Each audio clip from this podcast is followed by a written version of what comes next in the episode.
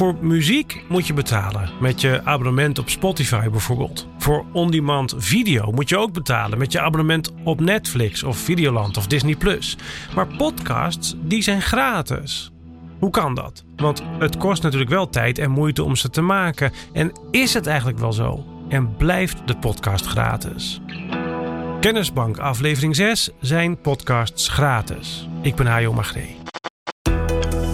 Is Tussen de Oren, de podcast over podcasting van NAP1. Wij maken audiocontent.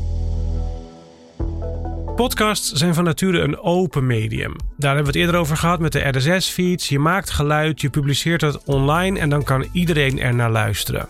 Dus zijn podcasts nog steeds meestal gratis. Althans, de gebruiker hoeft er niet voor te betalen. In Apple Podcasts of in Spotify daar kan je bijna alles wat er gemaakt wordt gratis beluisteren. Dus, zo gezegd, zou het antwoord kunnen zijn: ja, podcasts zijn gratis. Maar dan gaan we het rest van deze aflevering hebben over uitzonderingen en nuanceringen. Want er zijn ook niet gratis podcasts. Om te beginnen, Spotify produceert podcasts die alleen op Spotify te horen zijn. En daar moet je ook een abonnement voor hebben om ze te beluisteren. Dus die zijn niet gratis. Spotify koopt ook bestaande podcasts op en zet die vervolgens achter de betaalmuur. Dus dan veranderen podcasts van open, van gratis, naar betaald. En ook bijvoorbeeld Luminary publiceert podcast content waar je voor moet betalen. Dan een net andere vorm. Sinds halverwege 2021 kunnen podcastmakers ook geld verdienen via Apple Podcasts of Spotify. Gewoon podcastmakers zoals jij en ik, bij wijze van spreken. En dat doen ze dan door een deel van hun afleveringen, door extra content, uh, achter een betaalmuur te plaatsen. En daar maakt Spotify en Apple hebben daar nu tools voor gemaakt, zodat je een deel gratis weggeeft, tussen aanhalingstekens.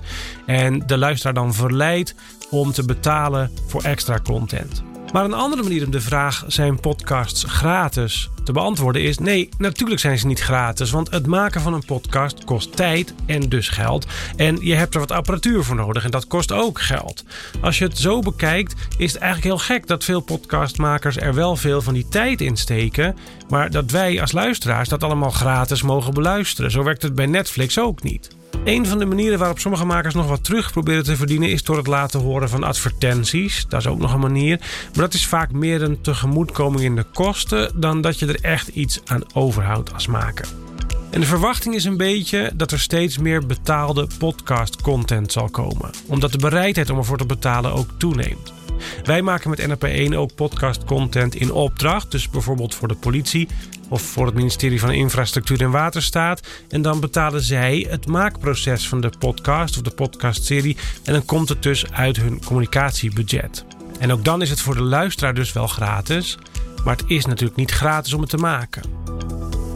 Dus het korte antwoord is: nee, jij hoeft er als luisteraar weliswaar nu nog niet voor te betalen, maar dat is aan het veranderen.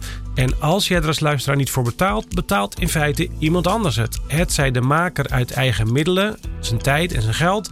Het zij het komt uit het communicatiepotje van een organisatie, of het komt voor een deel uit het advertentiebudget van een organisatie. Dat was het. Je kunt de informatie uit deze aflevering ook terugvinden in de podcast Kennisbank op onze website. Was Tussen de Oren van NAP1. Wij maken audiocontent. NAP1.nl